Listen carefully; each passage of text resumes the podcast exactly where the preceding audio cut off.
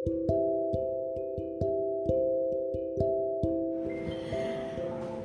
ayang-ayang Didi, Selasa Asa ada di sini. Aku aku mungkin nanti ngomongnya nggak jernih-jernih amat ya karena aku take-nya nggak di rumah kayak biasanya. Aku ditraktir makan sore sama sahabatku di Selasa Asa ini. Eh, nggak tahu kenapa aku teringat bahwa kita kan hidup penuh dengan perjuangan, cobaan. Kadang-kadang kita sudah hampir kehilangan asa dan tiba-tiba ada orang yang set lewat gitu aja dan menghidupkan kembali asa kita, harapan kita. Termasuk temanku ini, aku jangan ditanya lah ini teman apa aku juga nggak jelas waktu itu. Yang aku kenal dia adalah penjual nasi bakar. yang sekarang dia jual apa aku juga nggak tahu gitu ya. Jual aku sebel deh kalau mau nge-live apa nge-podcast sama dia. Sekarang dia juga suaranya enak. Dia MC juga MC kondang. Orang radio juga di masa lalu gitu. Emang di masa sekarang kita masih laku. Langsung aja deh. Halo Zain. Zain Malik. Halo Mbak Didi, halo, halo. Ini saya lagi nge-podcast sama Didi Riyadi ya. Iya. Zain Malik re, Zainun Nasir, bakul sego bakar dulu. Jadi kita ketemunya tuh di pameran ya. Iya. Nggak penting banget ya pertemuan kita. Bentar. Jadi suatu saat aku ikut pameran. Terus aku tuh sebenarnya lagi cari uh, partner, Partner. buat urunan stand gitu ya. Iya. Terus aku minta minta kontak dia ke pegawainya dia waktu itu. Ternyata waktu ketemu, ya Allah ini ya orangnya. Dan aku pertama kenal uh, ketemu dirimu tuh aku nggak tahu kenapa first impression uh, impressionku tuh nggak bagus. Sebel aja.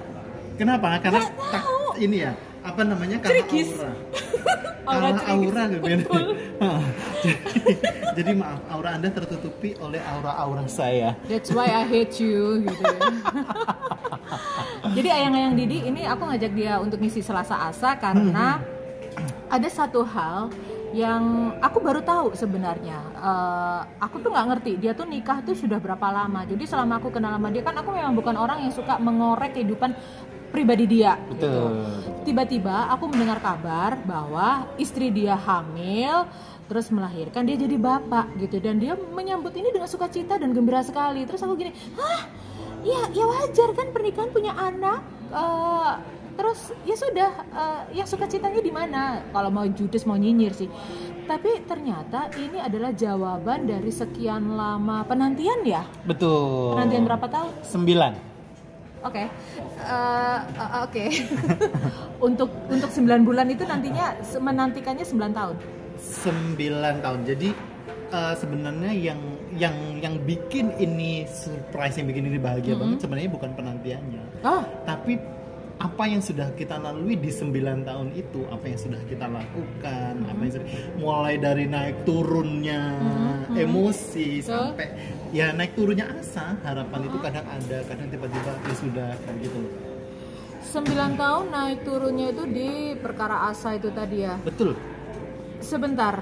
eh, emang udah berupaya apa aja waktu itu? Eh, jadi gini kita cerita dari awal aja ya Oke, ayo. saya menikah di tahun 2011 Oke. di tahun 2011 kem- eh, pas waktu itu eh, istri masih di Jakarta saya di Surabaya Mhm, ada waktu dua tahun setengah kita long distance mhm. Nah, waktu itu saya berasal dari desa, Mm-mm. tahu kan mulut-mulut netizen orang desa itu kan ya, ya ampun, pengen tak lakban yang ngerti gak sih? Cuwemes lambene Emang sumpah. emang ngecemes se- seberapa parah sih mereka itu tentang yang pernikahan paling ini? pak, yang paling eh, jadi mulai dari kata-kata biasa, ih kok nggak Ah. ini sih, kok nggak apa namanya, kok nggak kok nggak punya punya anak, Ah, eh nggak bisa ta, tak ajarin ta, Gitu. Eh, ya bahkan ada kata-kata yang begini, wah apa jenis, wong arek gak iso duwe anak kok yo ngoncene. Mm-mm. ada yang bilang begitu, Mm-mm. bahkan istri saya kan pada tahun satu tahun pernikahan kita, eh, kita mulai cek ke dokter Mhm. dan dia memang eh, dia punya endometriosis Oh ya. rata-rata perempuan yang mens Iya. pasti eh, kebanyakan punya kan Mm. kemudian kebetulan pas itu mengganggu gitu Mm. jadi kalau memang lagi program harus diambil nah diambil tahu nggak ketika diambil berita yang tersebar di kampung itu apa Apa? istriku dia rahimnya diambil Loh. Padahal dan endometriosisnya enggak, itu. ketika pulang Heeh. ketika pulang itu langsung yo yo kamu kan nggak bisa punya anak rahimmu kan sudah diangkat Jahat banget ya. itu dia langsung begini bahkan gara-gara pernyataan pertanyaan-pertanyaan yang seperti Ha. itu itu yang akhirnya ini apa namanya eh, membuat kita itu malas pulang Oke. Jadi Eh, kalau pulang tuh ke mana sih? ke Banyuwangi Oh, Banyuwangi. Nah, apalagi kalau keluarga keluarga keluarga inti ya nggak ada masalah Nggak masalah ya. cuman ya itulah Bulu-bulu ya. tetangga. betul Oke. dan kalau udah ketemu keluarga besar itu baru kayak begitu Oke. bahkan kita takut misalkan ada darurat nih ada kumpul keluarga besar kita bahkan sampai nggak ke- ke sana kita nggak usah pulang ya gitu. Oke, Baru sampai menghindar untuk kumpul-kumpul Nah, gitu. ya? menghindar untuk kumpul-kumpul itu di sampai di lima tahun pertama Oke, oke. setelah lima tahun ke sana ah, lo ngomong apa aja udah lah lewat Udah kebal ya. udah kebal terus eh, kemudian tahun apa namanya yang pernah kita lakukan adalah di setelah itu kita pernah kita ke dokter. Yang jelas kita harus eh, ke dokter. Terus eh, ketika masa ke dokter itu ketika masa penantian itu pasang surut hubungan pun juga ada. Hmm, itu yang yang bikin sejarahnya ada di situ. Karena ya karena kadang eh, apa namanya sampai akhirnya si pasangan ini berubah. Menurutku sedikit berubah karena orang yang eh, menanti seperti kami merasa perempuan itu nggak punya kasarnya belum bisa mengasih turunan pasti dia akan sensitif Betul. jadi lebih cemburuan lebih Iya, apa iya. saya ingat kata-kata yang tak eh, yang aku kasihkan ke istri waktu itu Heeh. kadang orang itu dalam rumah tangga bukan karena dia tidak mempunyai anak mereka berpisah Oke. tapi karena si pasangannya mulai berubah. Oh. oke. Jadi tidak Ya, sama ya. seperti dulu. Jadi gara-gara ini akhirnya berubah. Akhirnya si pasangannya juga nggak nyaman. Ya aku pengen dirimu tetap seperti jadi seperti yang dulu. Nah akhirnya itu yang membuat kita semakin ini menguatkan Ya, ini ya, ya. ya. Nah kayak gitu. Terus kemudian sudah sempat terus kita ke dokter, ke dokter, ke dokter. Kalau yang pernah dilalui kita pernah bayi tabung dua kali, Oke. insem dua kali, Oke. ke, ke bukan bukan keduin itu ke tukang pijet kayak ini Ah. wah udah nggak bisa dihitung Oke. mulai dari makan apa ya Makan beling, oh enggak ya? Kan dukun. nggak ke dukun dukun bayi aduh ya Allah terus ke mana-mana terus apa namanya akhirnya pernah makan itu telur angsa Oh, bayangin ya telur yang kecil-kecil itu amisnya sudah begitu ya bu telur angsa segede gaban bu selama enam bulan saya begitu Bu. namanya juga ikhtiar ya. Oh my god. sampai itu terus istri itu pernah eh, ini apa namanya kayak makan-makan apa namanya eh, dia harus telur salmon hampir almost every day Astaga. terus itu asamnya terus pernah kita beli dikasih suruh makan kutuk kan Ah, ah, iya, iwak ikan gabus Ah, ah, ikan gabus Betul. nah tapi akhirnya kita beli eh, beli sarinya Ekstraknya itu sarinya kan. kita Ah, tapi beli ah, yang ada yang dari ini dari Korea. Ah, kita ah. beli. Ah, ah, aku bayangin itu amisnya kayak apa. Ah, ah. ya sudah dia hampir ini si uh, minum itu. Sampai Oke. sekarang kalau dengar Iya, kata iya, salmon dia udah gini. Udah tak angkat tangan gitu kan. Blokean. Heeh. wes wegah dulu apa? Salmon. Prai pak.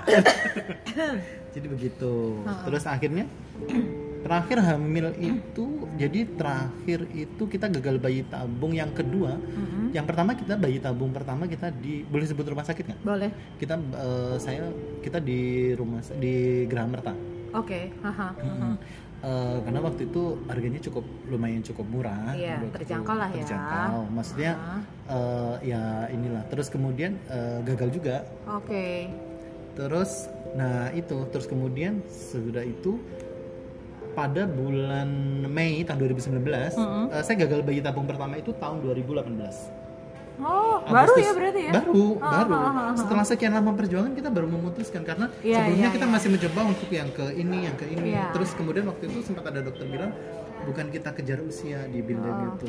Ya silakan karena eh, apa namanya hormon perempuan itu pasti satu tahun akan berkurang. Betul. Sel telurnya pasti akan berkurang. Betul.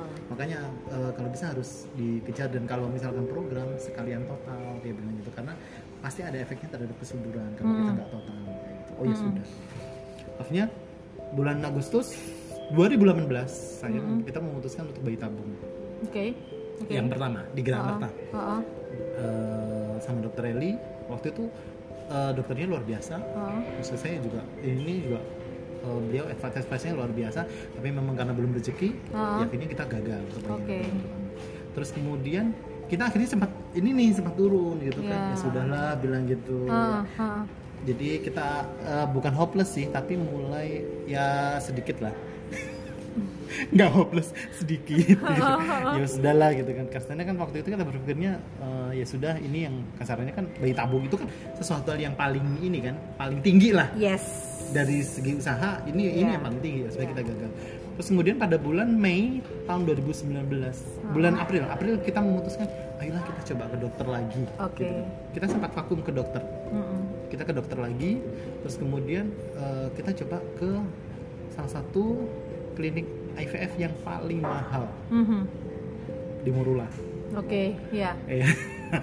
tahu kan kalau udah gitu kira kebayang kan Langsung ke barat kita. iya Heeh. langsung tuing biayanya berapa Iya, iya, gitu. I know. nah waktu itu kita cuma tes jadi waktu itu hasil tes mengatakan bahwa sel telurnya dia itu cuma tinggal 5 Oh, oke jadi dokternya eh, waktu itu sama dokter Amang cuma bilang Heeh. mbak boleh kamu normal nggak apa-apa Heeh. tapi ini hasil lab menyatakan demikian Oke. gitu kan terus kemudian ya kalau misalkan ini ya kita harus cepat gitu Heeh. kalau mau akhirnya sudah kita ya dok nanti setelah lebaran Oke. waktu itu kan eh, mau puasaan betul nah jadi terus habis lebaran habis lebaran ya itu bulan Juni kita langsung ini ke program lagi ke situ ya ke situ. ke barat ke barat bulan Juli pengumuman Ha-ha. bulan Juli pengumuman itu gagal oh untuk yang kedua kali. Oke. Banyak yang bertanya begini itu anu kan apa? Biayanya bisa kembali kan? Lo pikir deposito? Makanya gue bilang begini. Andai kan bisa kembali gue udah program dari dulu ya di situ. Lo pikir deposito gitu ya nitip oh gitu ya ya? sudah. Nah pada saat itu kita ini sampai akhirnya kita itu sudah berpikir bahwa eh, ini oke cukup Heeh. gitu. Jadi karena waktu itu duit udah habis, Ah, Dari- dari- habis-habisan. dari- eh, kita sedih ya bu ya. Tapi apalagi lihat, lihat isi rekening tambah sedih lagi bu udah gak ada isinya. Aduh ya Allah. Terus habis gitu, nah kita akhirnya kayak ya mungkin orang bilang ikhlas dan pasrah ya. Iya, iya, waktu iya, itu iya, saya iya. berpikir bahwa eh, ya sudah saya bilang sama istri kalau memang Hmm. ini ke- kenyataan kita memang tidak bisa punya anak, Ah, ah. tapi Tuhan sudah melihat kita sudah ikhtiar sampai titik ini betul jadi ya akhirnya kita pasrah bulan Agustus ya mens September itu setelah saya MC Bromo, Bromo Marathon Heeh. dia ikut tuh naik gunung turun gunung oke dia ternyata itu udah isi Bu. astaga justru justru saat kita sudah tidak begitu berharap ya sudah justru pada kita sudah sudah, sudah sangat tidak berharap maksudnya bukan Ah, ah. bukan tidak begitu lagi Iya, tapi sudah- ya sangat sudahlah tidak gitu. berharap ya sudah Ah, ah. cukup gitu kan Cukup. karena mulai dari yang paling murah Ah, ah. sampai yang sedang sampai ke posisi yang paling mahal udah pernah kita lakukan Ah, ah. dan yang alatnya Morula itu kan salah satu alatnya paling canggih betul dia alatnya paling mutakhir Ah, ah. jadi eh, itu aja nggak bisa membantu Ah, ah. gitu kan teknologi tidak bisa memberi kuasa membeli kuasa Tuhan betul betul betul betul dan saat sudah berserah Itu malah kita happy happy gitu malah loh Betul. eh tapi cerita dong waktu strip 2 itu karena gini gini gini eh, pasangan siapa pun yang misalnya eh, istri hamil pertama kali apakah itu yang normal dalam artian Betul. sudah waktunya hamil atau yang seperti yang dirimu tidak berharap kalau ada kabar strip 2 itu kan selalu jadi cerita tersendiri gitu loh betul Bagaimana dengan ceritamu? Jadi ceritanya kita itu kan mau pulang karena Pak D-nya istri itu meninggal. Ah. Kemudian eh, kita ya sudah Sabtu besok kita pulang gitu. Ah. Itu waktu itu hari Minggu. Oke. Minggu jadi minggu depan kita mau pulang gitu kan, ke Banyuwangi. Oke kita pulang gitu kan. Tapi kok aku belum mens mens ya. Ah, Nah gitu. Nanti kalau aku mens kita berangkat. Udah begitu. oke. Terus kemudian hari Senin kok dia nggak mens. Hari Selasa dia nggak mens. Ah, ah. Rabu dini hari, Ah. jadi Selasa malam ya dini hari. Ah. Itu dia ini apa namanya? Kita mencari sisa tes, dia mencari sisa tes pack dan itu ada satu tersimpan. Itu sangat lama sekali. Sisa tes packs ya. Kita sudah trauma yang dengan ada tes di- pack ya. Jadi Gitu. dia udah nggak nggak nyetok gitu. Udah, trauma itu lima tahun pertama tiap hari nyetok. Oke. Itu, itu lima tahun pertama ya itu berarti stoknya udah empat tahun yang lalu. Kebayang nggak sih yang yang di tes pack 4 tahun yang lalu ya? Terus kemudian di tes pack garis dua dong, Ah. bilang gitu. Kita masih begini, hah? Ini packnya rusak. kita Kedaluarsa. masih kita udah kedaluarsa kayaknya. Udah kita taruh kan? Udah kita taruh. Kan istri ditaruh, tapi aku tetap nyimpen. aku tetap simpen gitu. Terus habis itu dia masih kerja dong. Iya Besoknya iya masih iya kerja. iya. iya. Besoknya balas dendam dong. Tes pack mulai harga yang termurah sampai ada 5 tes pack kalau nggak salah. Bayangkan harus jadi berapa botol. Makanya aku tadi langsung reaksi gue, eh bini lu di- disuruh kencing berapa kali kayak gitu. Enggak dong, aku yang nampung kayaknya. aku yang nampung botol satu, botol juga. Jangan berhenti dulu. Akhirnya udah bilang gitu. Please deh ya, itu minum berapa liter itu buat aspek 5 Hmm, langsung kita jajar dulu dulu dulu gitu kan. Dan garis dua semua dong. Alhamdulillah. Alhamdulillah. Terus abis gitu kita ke dokter dong. Langsung paginya dia nggak ngantor. Saya izin nggak ngantor. Dia langsung ke dokter. Langsung ke dokter. Kita kembali ke dokter yang dulu. Jadi dulu kita pernah ke dokter. Ah, ah, dan ah, dokternya itu sampai menyerah. Iya. Kamu iya. sudah nggak rezeki mbak sama aku. Hmm. Itu waktu itu gue ngerasa eh, saya sangat berterima kasih Pak. salah satunya kepada dokter ini dokter Erna ini Hmm. dokter Ernawati dia ini apa namanya jadi dia nggak nggak kasarnya nggak keminter Iya, iya, iya. Ketika, ketika dia sudah merasa tidak mampu ya sudah dia kasih kamu ke dokter ini dokter ini Heeh.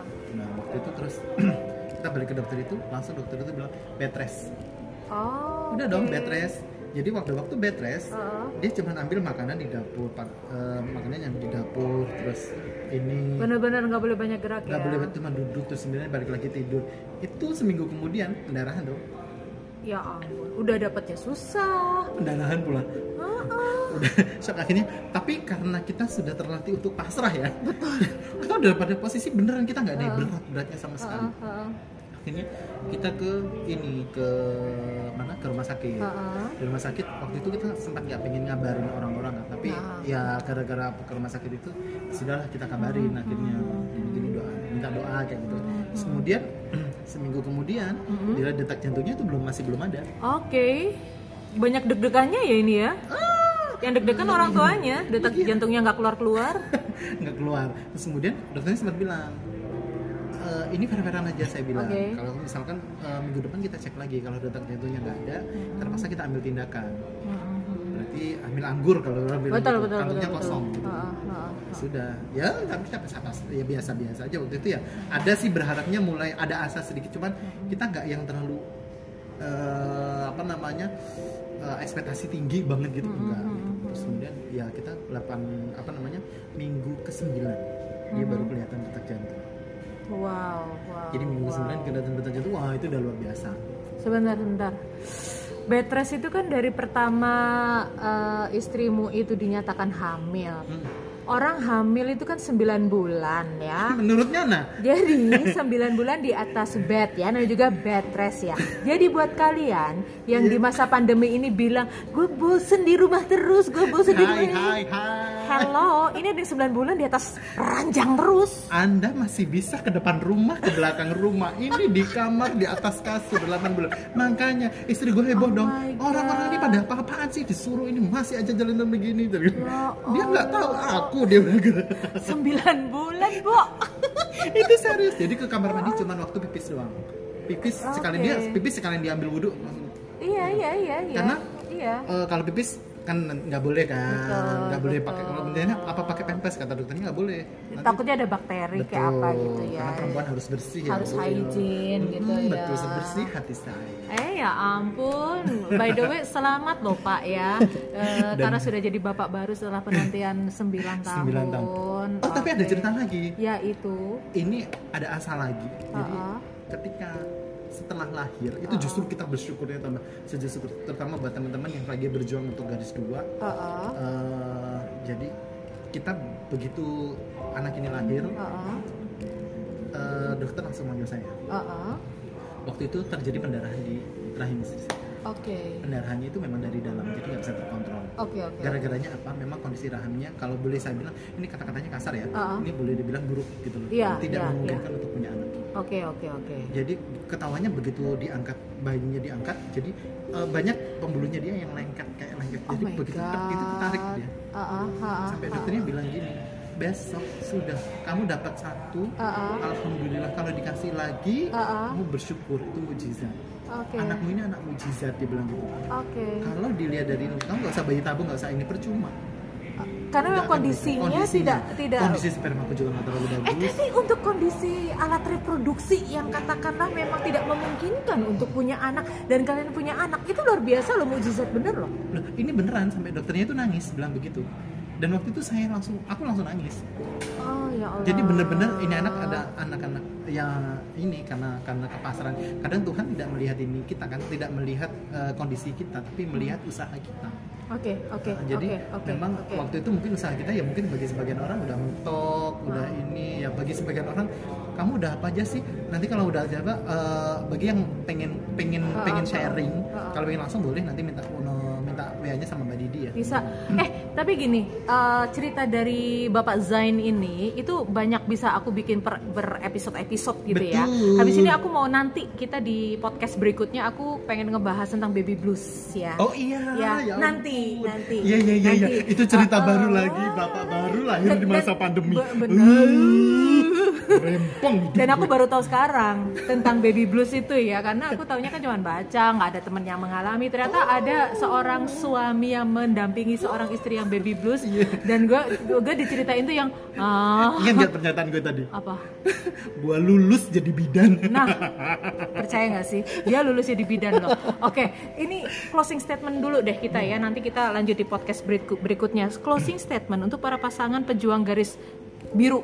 Oh, Garis keren. dua. Garis dua. Pejuang garis dua. Keren ya istilahnya ya. Ah. Pejuang garis dua. Apa yang bisa kamu sampaikan kepada ayang-ayang Didi yang mungkin saat ini sedang berjuang untuk itu? Ah, ah, jadi buat apa namanya buat teman-teman yang lagi berjuang di garis dua yang paling penting adalah Tuhan tidak melihat kondisi kita tapi Tuhan melihat usaha kita seberapapun semampunya tidak harus misalkan tidak harus bayi tabung tapi semampunya tapi eh, yakin nanti pasti Tuhan akan melihat usaha dan doa kita kita nggak tahu ya doa yang mana doanya Betul, siapa betul. yang akan diijabah dan kapan doa itu akan diijabah tapi tetap berbaik sangka ya Betul. kepada Allah. Kalaupun misalnya bukannya apa-apa sih kalau misalnya Allah me- me- mau bilang enggak pasti ada alasan di balik. Betul, karena kami pun juga kami sangat tidak mungkin untuk ini. Terus eh, ini ya apa namanya beberapa hal yang harus yang harus pejuang garis dua bu- bukan lakukan ya. Yang Ah, ah. saran dari saya tips dari saya sih Ah, ah. yang pertama adalah perbanyak referensi, perbanyakin Oke, teman, terus oke. kemudian eh, mencoba untuk selalu berpikiran terbuka karena eh, orang yang belum punya momongan itu rawan hubungan hubungan suami istrinya sangat rawan sekali Hmm, karena itu adalah salah satu hmm, faktor hmm, terpenting. Jadi ya kalau saya sih banyak banyak banyak membaca, banyak referensi, banyakin teman sehingga ya pikiran kita jadi terbuka. Intinya itu aja sih luar biasa. Thank you loh. Gue kelihatan pinter kan ya? Uh, uh. karena karena aku memang anu kok memilih tema yang bisa membuat kamu terangkat. Tapi ini ini menginspirasi sekali ya yang ayang Didi ya. Jadi untuk ayang ayang Didi yang mungkin kehilangan asa karena merasa sudah begitu banyak eh, perjuangan sudah lama berjuang untuk bisa punya anak dan bisa dibilang kalian adalah pejuang garis dua yang sudah berhasil alhamdulillah ada ceritanya. Yang belum nggak apa-apa. Bukan dalam artian nggak apa-apa tuh ngeremehin perasaan Betul. kalian. Enggak bukan begitu.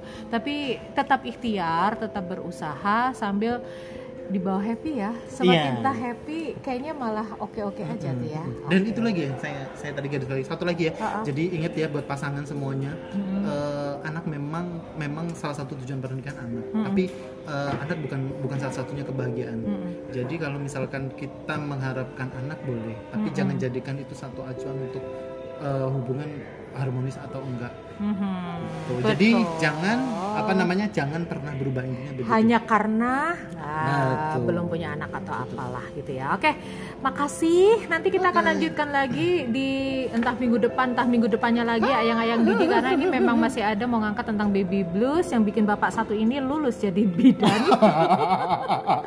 yang jelas Selasa Asa ini ada untuk ayang-ayang Didi supaya tetap me- apa ya menyimpan harapan, mewujudkan harapan. Putus asa boleh tapi sedetik aja. Kadang-kadang ya, kita melawan putus asa itu dengan uh segala macam malah kita yang ngedrop. Putus asa tuh sedikit aja, banyakin nyambung-nyambung asa deh. Hasilnya seperti Bapak Zain yang satu ini. Dan sekali lagi Selasa Asa bukan karena Didi ini motivator tapi Didi adalah provokator agar kalian menjadi motivator untuk diri kalian sendiri. Dadah ayang-ayang Didi.